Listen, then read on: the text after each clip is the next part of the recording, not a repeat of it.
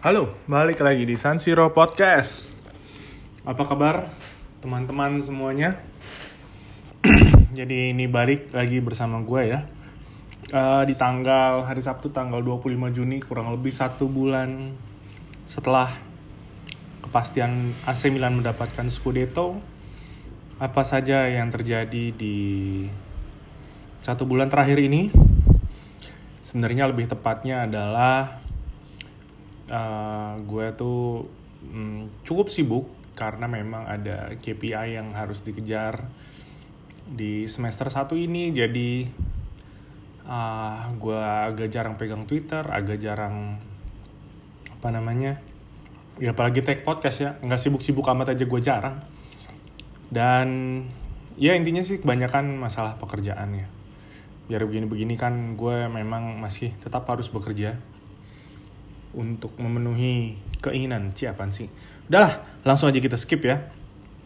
Jadi gini uh, gue mau memberikan pendapat atau walaupun tidak diminta ya gue mau mencoba untuk uh, mengomentari apa-apa saja yang terjadi uh, dalam satu bulan terakhir ini terutama berkaitan tentang transfer.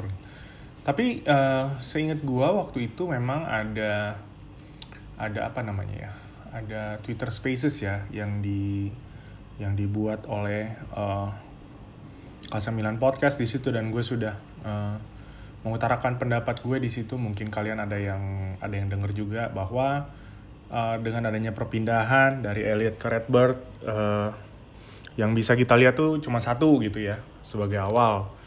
Apabila Maldini dan Masara itu mungkin juga Moncada memperpanjang kontrak misalnya ya dari itu kita akan tahu bahwa uh, Redbird means business gitu. Dia tahu uh, siapa yang mengembalikan gitu ya tatanan tim ini menjadi uh, pemenang Scudetto lagi. Ya tentu saja kualitas Maldini dibantu Masara ya. Uh, mengembalikan jati dirinya AC Milan gitu. Jadi dan kita juga tahu semua bahwa Maldini tidak akan pernah mau terlibat di tim ini kalau dia tidak memegang peranan yang penting. Yang mana itu juga menurut kabar yang beredar menjadi alasan kenapa mereka belum memperpanjang kontrak. Ini tapi ya kita sama-sama tahu apa sama-sama tahu lah bahwa uh, dari sumber-sumber yang beredar di Twitter Maldini tuh uh, yang gue tangkep ya mungkin Maldini pengen punya kekuasaan lebih gitu jadi uh, mungkin apa dia tidak harus melapor ke Gazidis gitu untuk untuk apa pun ya. Misalnya terutama untuk perekrutan pemain karena uh, domainnya dia technical director gitu. Uh, isu yang beredar itu dan dia belum uh, memperpanjang tanda tangan uh, yang habis lima uh, hari lagi tanggal 30 Juni. Ya kita lihat aja uh, perkembangannya beberapa hari ke depan. Itu dari sisi manajemen dan gue berharap uh, Maldini idola gue forever uh, gue berharap dia memperpanjang karena itu sekali lagi ketika dia memperpanjang ya women women business gitu. Uh, terus terkait perekrutan pemain gitu itu kayaknya udah satu udah enam bulan terakhir diputer-puter di situ aja gitu ya berita-beritanya entah siapa pun lah. Pertama Sven, Sven Botman kedua Renato, Renato Sanchez ketiga uh, attacking midfielder atau winger sempat beredar nama Noaleng dan Decateler gitu ya. Gue pernah nge-tweet di sesekali gue masih nge-tweet kan. Setelah kita punya maker sekarang kita punya kettle air gitu ya. Uh, what a hard name to spell gitu ya. Dan terus tapi uh, berbagai macam lah ya di kayaknya kayaknya uh, semua akun uh, Milanisti di Twitter gitu sorry info-info seputar Milan di Twitter itu membolak-balik gitu bahwa Sven Botman has reached personal term gitu.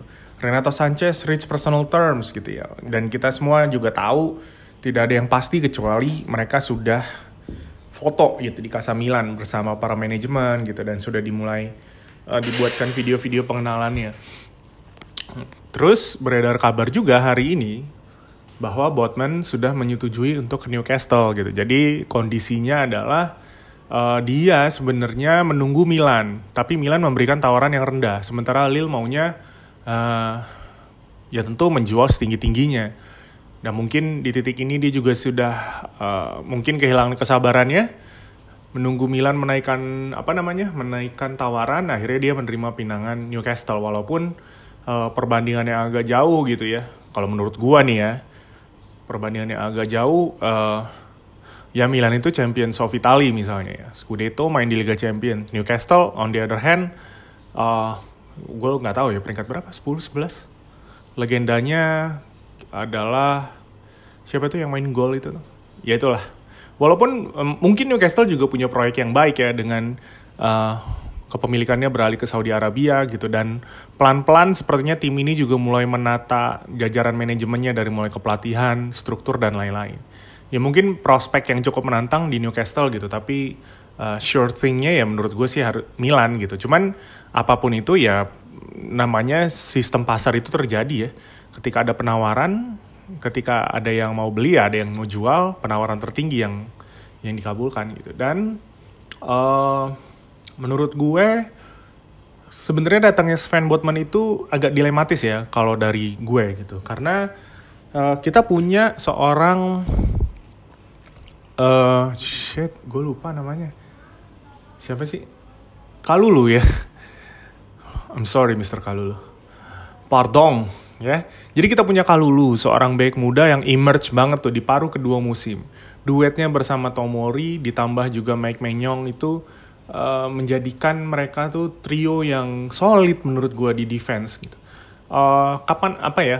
Kita balik lagi ya. Kita nggak pernah punya mungkin ya tahun berapa? 2022. Ya mungkin lima tahun ke belakang kita tidak punya defense sesolid ini gitu di kiri ada Theo Hernandez, di tengah ada uh, Tomori, Pierre Kalulu, di kanan ada Calabria.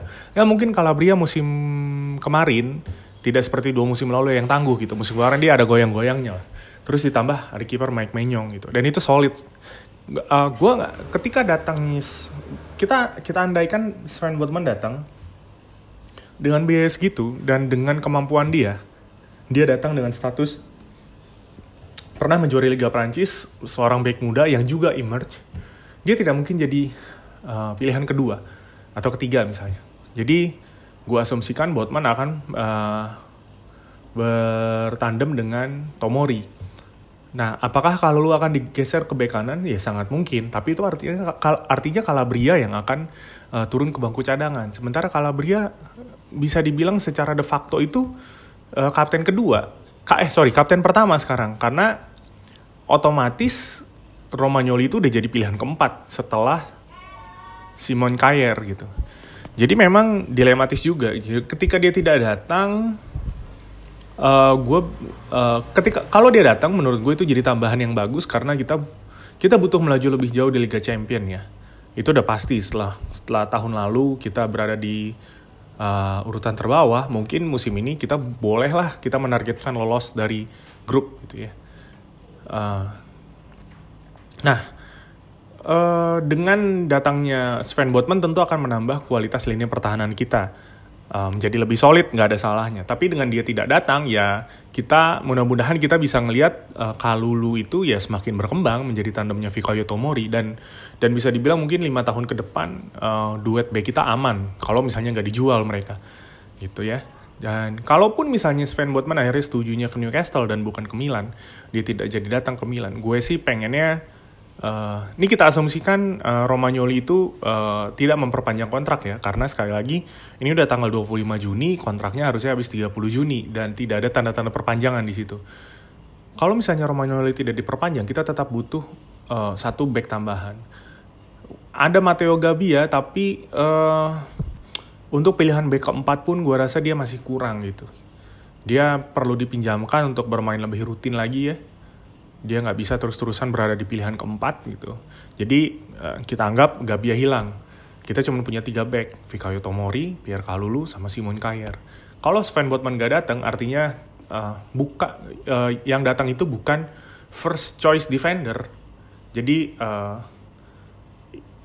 apa ya yang back intinya itu tetap Kalulu dan Tomori uh, kita punya karir cadangan ya gue harap kita mendatangkan uh, fourth choice atau mungkin fifth choice yang kualitasnya nggak uh, jelek-jelek amat lah.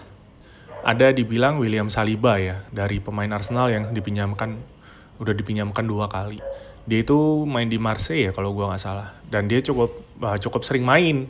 Dan dan menurut gue itu pilihan yang bagus lah. Uh, low budget uh, apa dia udah punya pengalaman bermain di tim utama bermain di liga gitu. Bukan back yang totally fresh uh, dari dari liga antah berantah gitu misalnya. Atau dari uh, mana namanya atau dari Prima Primavera gitu.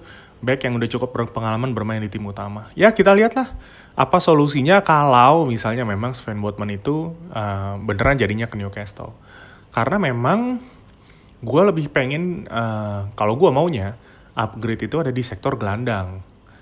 Uh, pertama kita pasti akan ditinggal Frank Casey dan itu kan penggantinya Renato Sanchez. Dan itu pun gue nggak yakin gitu. Kalau lama sekali ini prosesnya. Jangan-jangan belum deal juga gitu. Terus uh, penggantinya Frank Casey itu udah pasti gitu. Karena kita cuma punya dua solid double pivot uh, Tonali dan Benasher dan itu pun ini opini gue entah uh, kalian sadar atau tidak atau mungkin kalian punya pendapat berbeda silahkan nanti bisa di, di reply aja ya di postingan podcast ini Tonali dan Benasher itu tidak berjalan begitu baik. Menurut gue, kerjasama mereka tuh tidak sebaik kalau misalnya Casey Benacer atau Casey Tonali. Makanya paling jarang ditandemin itu dua orang sama Pioli ya. Tapi anggaplah Casey keluar dan dan Tonali tentu dengan role barunya di akhir musim lalu dia jadi gelandang box to box yang emang arriving late di dalam kotak penalti lawan gitu supaya dia bisa mencetak gol. Uh, jadi Tonali dan Benasir itu jadi double double pivot utama kita. Casey keluar, Bakayoko mostly keluar, artinya kita udah punya dua lubang yang mesti ditutup, ditambal. Oke, okay, Pobega masuk, oke okay, Yasin Adli masuk. Uh, udah cukup ya itu dua. Ditambah Radek Runic ya. Uh, Jack of all trade lah. Pokoknya uh, kalau lo punya istilahnya Milan ini ada posisi yang kosong ya ditambahnya pakai Radek Runic Uh, I'm very sorry, dua musim lalu gue masih sering ngecengin dia. Tapi musim lalu itu dia berkembang banget menjadi pemain yang oke, okay, nggak nggak bagus-bagus amat, tapi tapi bisa diandalkan gitu. Maksudnya uh, setiap dia main dia tuh memberikan penampilan yang cukup untuk uh, ya kalau masalah penilaian semesteran tuh meet requirement lah gitu istilahnya. Gitu. Jadi uh, jadi kita udah punya total udah punya lima ya gelandang tengah uh, Benacer, Tonali, Yasin Adli, Pobega dan uh, Rade Krunic. Menurut gue kombinasi kelima pemain ini oke okay, cukup lah. Nah yang uh, left wing itu sudah punya Rafael Rafael Leao. Gue yakin dia sudah mensilt satu tempat di posisi inti dan uh, kalau mau backupnya itu Ante Rebic dan Rebic itu lebih berpengaruh ketika dia tampil di uh, apa ya di babak kedua gitu. Dia memberikan sebuah dimensi yang berbeda, sebuah gaya permainan yang berbeda dari Leao dan memberikan energi yang berbeda juga gitu. Jadi kita anggap posisi left wing itu aman. Posisi AMC dan right wing yang memang kita itu adalah posisi yang pengen banget uh, kita sebagai Milanisti pengen banget ditambal gitu ya. Kita nggak punya AM mumpuni selain Brahim Diaz mana Brahim Diaz adalah nggak mumpuni-mumpuni amat juga gitu. Jadi uh, apa namanya serba salah juga ini gitu. Semoga kalau misalnya nanti memang datang sebuah uh, gelandang serang maksudnya kalau misalnya memang ada budget transfer kita, uh, eh, kita berasumsi ya balik lagi nih asumsinya adalah tidak menghitung pemasukan dari pemain yang dijual. Kan budget Mercatonya 50 juta tuh katanya. Gue sih lebih pengen dibandingkan diarahkan ke back ke pertahanan uh, ya diarahkan ke AM dan right wing nah AM dan right wing itu ada dua nama The Keteler dan Noaleng tapi itu juga uh, seiring berjalannya waktu menguap juga ya wacana itu. Nah terus uh, malah yang muncul sekarang adalah Junior Mesias yang akan dipermanenkan dengan biaya 3 juta euro. Uh, walaupun gue respect dengan ceritanya ya respect. Gue tidak merasa dia adalah pemain yang uh, Milan material gitu maksudnya Milan di posisi ini bahwa Milan yang emang Scudetto dan musim depan harusnya title contender juga bermain di Liga Champion. Junior Mesias itu eh, nggak uh, memenuhi kriteria menurut gue. Jadi uh, ya kalau memang keputusan manajemen akhirnya dipermanenkan, gue bisa bilang apa gitu. Tapi uh, gue sih berharap ada yang lebih lah karena memang kita tahu sendiri Salamakers juga nggak uh, bagus-bagus banget di sayap kanan, nggak memberikan threat gitu apa sih efeknya ketika sayap kanan itu tidak memberikan threat yang cukup? Artinya serangan, kita semua tahu lah, serangan bertumpu di Leo ya musim lalu. Dan di paruh kedua musim kan dia sudah mulai di double marking gitu. Dan dia sering buntu ketika sudah double mark. Nggak salah ya, ya seberapa kuat dia mampu berlari gitu ya. Melewati hadangan 2-3 pemain gitu. Makanya beban serangannya harusnya dibagi ke AMC dan ke uh, right winger. Di mana dua posisi itu Milan itu lemah gitu. Jadi memang kalau ada budget ya gue lebih pengen diarahin ke sana. Namanya siapa? Uh, siapa kandidatnya gue juga nggak tahu. Tapi ini juga berita terakhir dia ada ada Hakim Ziyech yang coba dipinjam dengan option to buy ke Chelsea. Itu oke okay juga. Dia bisa ngisi sayap kanan sebagai inverted winger atau AMC gitu dan dan itu nama bagus gitu. Gue berharap sih uh, semoga bisa dialokasikan gitu ya capexnya iya capek sih capital expenditure-nya itu dialokasikan ke situ gitu. Ke Zie dia ber ya apa ya uh, very experienced player gitu. Sedang dalam di usia peaknya gitu. Di Chelsea mungkin nggak nggak apa namanya nggak nyet nggak nyet nggak nyetel gitu ya permainannya. Ya mungkin karena Liga Inggris tapi Liga Italia siapa tahu bisa gitu. Terus berlanjut ke depan Zlatan Ibrahimovic cedera 6 bulan. Kalaupun dia nggak cedera ya ya gue rasa dia juga udah sudah bukan first team choice lagi gitu. Sudah mulai sebaiknya perannya sedikit demi sedikit sebagai uh, field player gitu ya direduksi gitu. Mungkin dia bisa jadi kalau di FM itu namanya substitute impact kah gitu ya tapi kita perlu striker nih karena kita bertumpuk ke Giroud Giroud itu memang apa ya clutch player, dia sangat bisa diandalkan di situasi-situasi genting. Gol-golnya itu dicetak di momen-momen penting yang pressure-nya justru tinggi. Tapi as far as uh, how great Giroud is, uh, ya gue rasa kita perlu satu striker lagi yang tipenya berbeda, nggak cuman nggak cuma nunggu di depan gitu. Giroud sama Ibra sendiri kan tipenya berbeda ya. Ibra lebih sering mundur, mencoba link up. Nah, Giroud itu kan lebih banyak uh, apa namanya? Dia ngelit serangan dengan menjadi pemain paling depan gitu lah. Kalau menurut gue. Jadi uh, walaupun katanya di lagi-lagi di Origi juga dinyatakan sudah sudah resmi gitu dan tinggal menunggu peresmian gitu. Apa tinggal menunggu pengumuman ya kita juga nggak tahu. Kalaupun dapat di Origi, fine. Uh, dia bagus, uh, di Liverpool dia bagus gak sih? Gue nggak tahu juga sih. Karena di Liverpool kan dia juga super sub doang kan ya. Tapi mungkin balik lagi ya, mudah-mudahan keajaiban Liga Inggris gitu ya kayak Temi Abraham, Fikayo Tomori itu berlaku di di di di, di Fokorigi juga. Jadi uh, siapa tahu dia jadi bagus gitu. Ya oke okay lah, posisi striker ketutup. Nah, uh, itu juga yang membuat gue mau membahas satu nama Daniel Maldini. Gue tetap merasa bahwa uh, he didn't get what he needs to be an AC Milan player gitu. Ya berat lah pressure menyandang nama seorang Maldini gitu ya. Sangat-sangat berat gitu. Apalagi kakeknya adalah pemain berhasil, bapaknya pemain berhasil, abangnya gagal dan bertumpu ke dia gitu Uh, ya tapi gue tidak melihat dia punya apa yang dibutuhkan untuk jadi seorang pemain dan uh, solusinya apa ya? Paling di loan menurut gue. Dan gue tidak melihat dia ada di dalam skema Milan gitu. Baik itu sebagai sayap kiri sayap kanan uh, attacking midfield gitu. Atau kecuali mungkin dia di di diubah ya nggak tahu lah dia mungkin mau mau mengubah posisinya menjadi DM gitu misalnya karena uh, beberapa kali ada potongan klip tackle-nya bagus cuman kan uh, merubah posisi tidak hanya berdasarkan potongan klip beberapa menit ya. Begitu itu maksud gue. Jadi ya bursa transfer belum dibuka. Uh, dalam artian dibukanya kan per 1 Juli. Kita lihat saja gitu. Itu situasi dan kondisi terupdate. Gue yakin lo juga sebenarnya lo tahu lah. Gue rasa kita memfollow orang-orang yang sama gitu. Dan apa?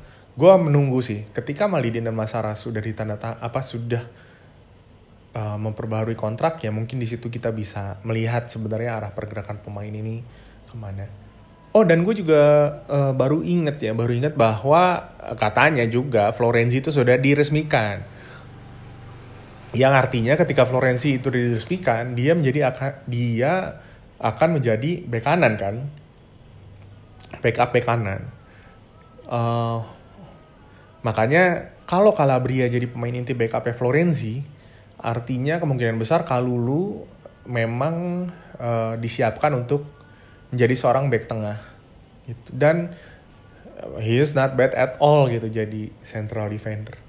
Usianya juga masih muda, kita berharap, gue sih masih berharap dia bisa badannya bisa tumbuh kembang ya, jadi lebih tinggi gitu dan uh, lebih berotot gitu misalnya supaya eh, kelemahan-kelemahan Milan gitu yang diprediksi akan sulit melawan bola-bola atas atau ketemu striker yang uh, memainkan fisik gitu.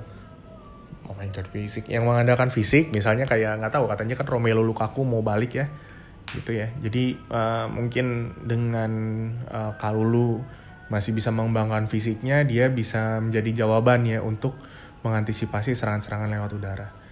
Gitu. Itu sekitar apa itu seputar Milan dan seputar seputar tentang akun ini gue sih cuman mau bercerita uh, memang uh, gue cukup kaget juga. Di akhir musim lalu itu ada dua dua tweet gue yang yang bisa gue bilang uh, cukup viral gitu ya. Yang pertama itu soal video video dengan lagunya siapa tuh? A Thousand Year itu. Itu memang uh, itu memang klipnya sih uh, dramatis banget sih itu ya menurut gue. Dengan potongan-potongan pemain merayakan kemenangan lawan Inter. Dan itu sebenarnya video uh, gue yakin klip itu dibuat bukan untuk menjelang akhir musim gitu. Tapi memang ketika Milan menang lawan Inter. Gue dapet klip itu dari temen gue. Dia pasang di WhatsApp status terus gue bilang eh gue minta dong gitu. Uh, eh, gue dikasih terus gue tanya lu source-nya dari mana nih? Gitu. Dia bilang dia juga nggak tahu tapi itu ada ada nama akun TikToknya gitu. Gue nggak punya TikTok jadi gue nggak bisa search. Tapi gue sudah mencoba men-search nama itu di Instagram atau di Twitter gitu. Uh, bukan yang mau minta izin gitu. Cuman gue mungkin kalau misalnya memang terkonfirmasi dia punya akun Twitter atau Instagram gue akan mention dia gitu tapi tidak tapi nggak ada. Jadi akhirnya gue disclaimer aja video itu bukan punya gue. Dan itu juga uh, cukup besar gitu responnya ya. Uh, di retweet banyak gue lupa deh berapa. Ini karena gue rekaman langsung dari handphone gue nggak bisa ngeliat tweet gue gitu. Nah itu uh, eh, gue kaget juga sih. Gue pikir ih wah kenapa jadi rame ya? Padahal itu adalah thread video itu gue video itu adalah tweet terakhir gue di sebuah thread yang di sebuah thread yang gue buat gitu. Gue buat cuman kontemplasi gue sebagai fans Milan aja gitu bahwa uh, sebagaimana akun ini dibuat gitu ya. Akun ini akun uh, Kasa Milan podcast eh sorry kebalik gitu. Akunnya San Siro podcast ini dibuat dan twitternya juga itu sebenarnya tempat gue nyampah tempat gue ngobrol uh, tentang Milan gitu. Karena uh, semakin umur bertambah kan katanya teman kita makin kecil Nah lingkar pertemanan kita makin kecil, gue jadi nggak punya temen untuk membahas hal, hal seperti ini gitu. Sementara gue masih pengen tuh membahas soal sepak bola gitu. Ya gue denger podcast-podcast bola yang uh, yang terkenal gitu, tapi uh, itu kan gue tidak bisa berkomentar gitu ya di situ. Uh, jadi gue pengen memang bikin ini sebagai platform gue untuk ngomong aja, untuk untuk berdiskusi lah gitu. Makanya gue kalau ada spaces gitu gue usahain gue ikut gitu karena menyenangkan gitu mendengar diskusi itu gitu. Dan gue gue pengen juga mengutarakan pendapat gue tentang satu dan lain hal khususnya untuk AC Milan. Nah itu uh, tweet yang pertama gitu. Jujur gue senang, senangnya bukan karena viral sih, dal tapi dalam artian gue nggak sendiri nih gitu. Ternyata memang ada banyak Milanisti yang memang uh, merasakan hal yang sama dengan gue gitu uh, di akhir musim lalu kan kita kita bener-bener aduh ini saatnya Scudetto tolong dong udah 10 tahun kita pengen banget gitu. Dan dan kita mengulang. Di video itu yang menarik adalah periode banter era itu diulang gitu. Itu sih apa ya kurang ajar juga gitu ya.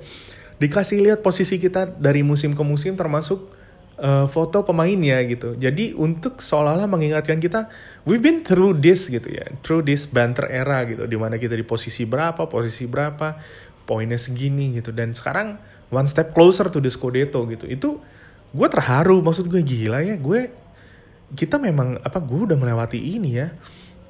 Dan gue baca tuh, ada yang replay, ada yang retweet, gue baca, ada satu yang bilang gini, dia pakai bahasa Jawa. Gue lupa banget nama username-nya siapa ya. Uh, mungkin kalau kalau lo lagi denger gini ya, uh, eh, gue baca tuh replay lo. Dia bilang dia mention temennya. Uh, uh, maafin gue ya kalau gue bukan orang Jawa sih, jadi gue tidak ngerti bahas apa. Gue kayaknya ngerti pasif gitu. Pokoknya dia nulis gini. Gara-gara ini gue inget gitu. Dia dia merunutkan tuh apa yang terjadi pada dia di Banter Era nobar jam 3 pagi cuma tiga orang kita tetap datang terus ada lagi yang nge-replay uh, dia itu selama banter era itu ya gitu nggak mau. Dia kayaknya ada yang nge-replay tuh kayak gue bahwa dia juga jadi males nonton Milan nggak mau. Tapi uh, dua uh, tiga musim terakhir ini atau dua musim terakhir ini optimismenya jadi bangkit gitu. Gue baca bacain dan itu gue apa ya uh, seneng gitu gue bacanya. Wah my fellow Milanisti friend gitu ya seneng banget gitu gue bacanya. Dan dan itu menarik gitu. Sekali lagi gue bukan senang karena itu viral gitu. Gue tidak tidak perlu gue tidak membutuhkan keviralan itu gitu. Buat apa? Nggak ada yang gue cari di sini. Sebagai tempat diskusi aja. Tapi gue senang membacanya. Gue terima kasih banget. Uh, replyan itu tuh menghibur gue gitu. Untuk melihat ya ya I'm not alone during that banter era. Ya jelas lah ya. Tapi itu tadi selama banter era itu gue nggak nggak nggak bisa gue berdiskusi dengan siapa pun gitu ya bahwa uh, ya paling sama teman gue si Andi itu ya yang yang beberapa kali uh, muncul di sini.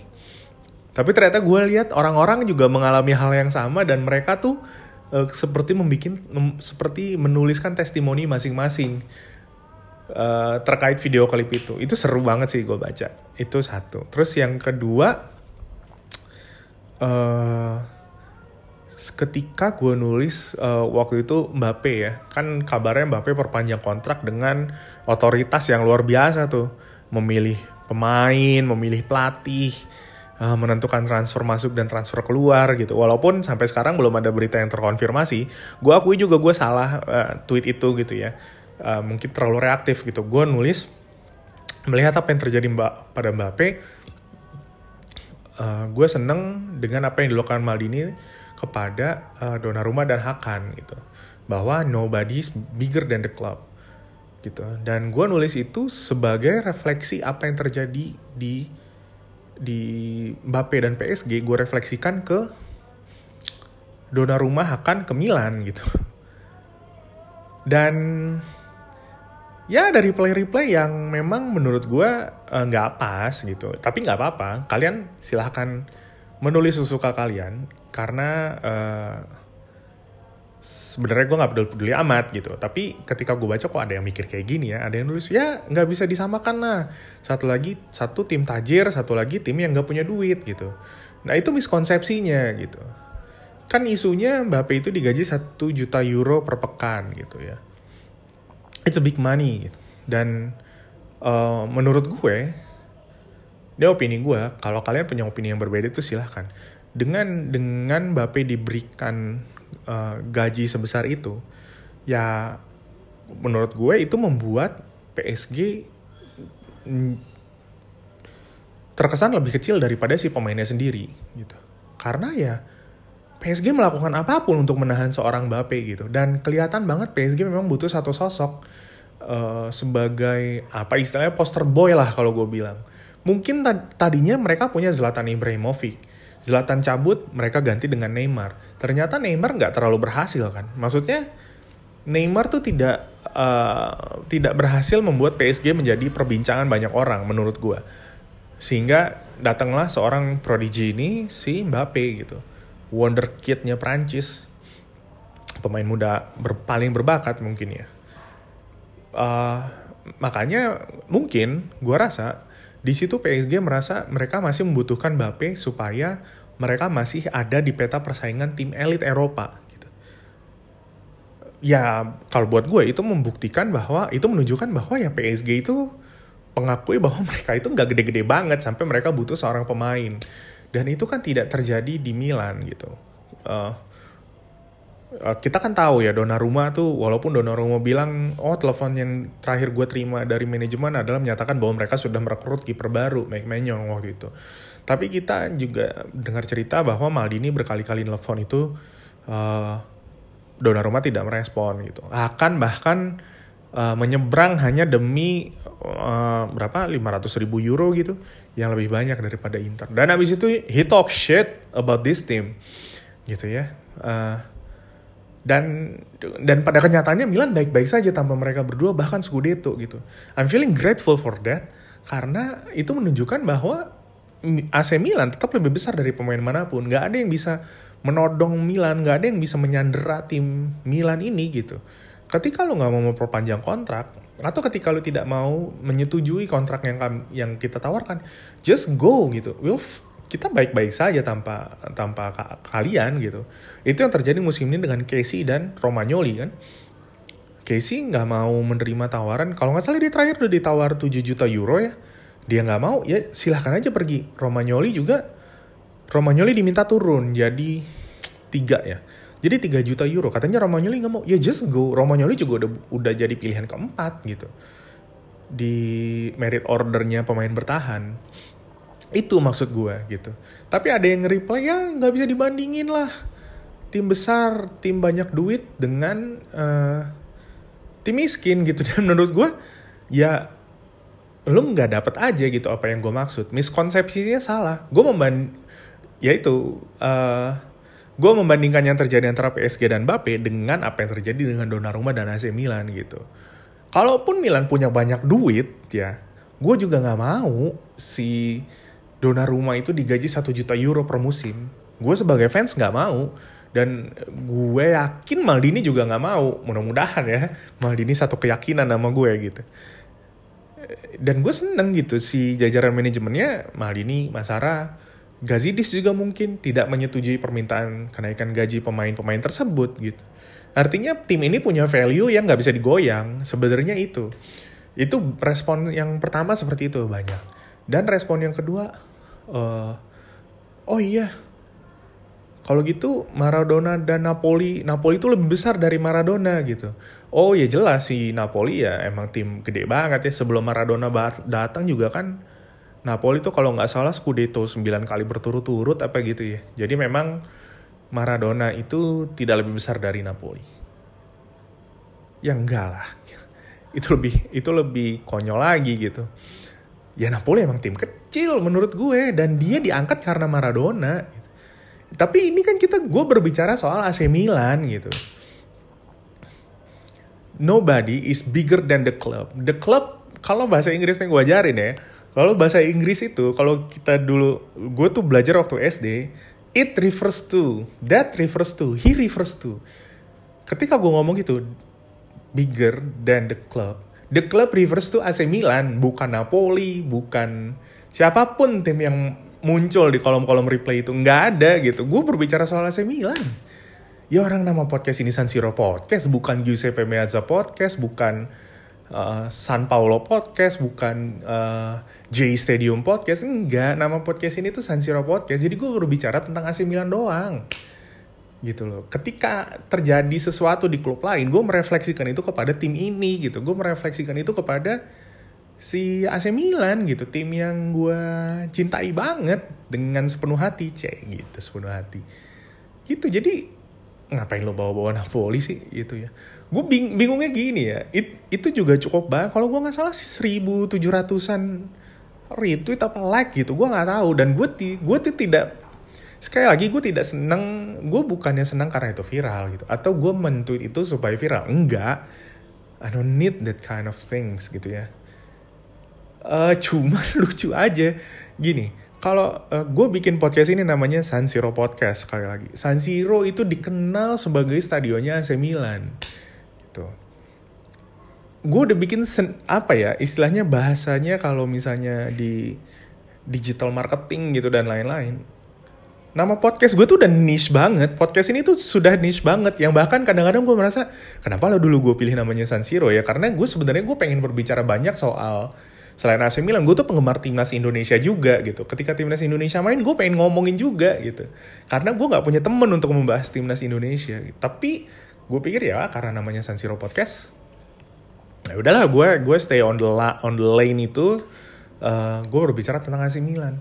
Yang mengherankan adalah ketika kalian-kalian nih uh, yang mendengarkan ini yang baru karena followers gue langsung melonjak tuh gara-gara dua tweet itu.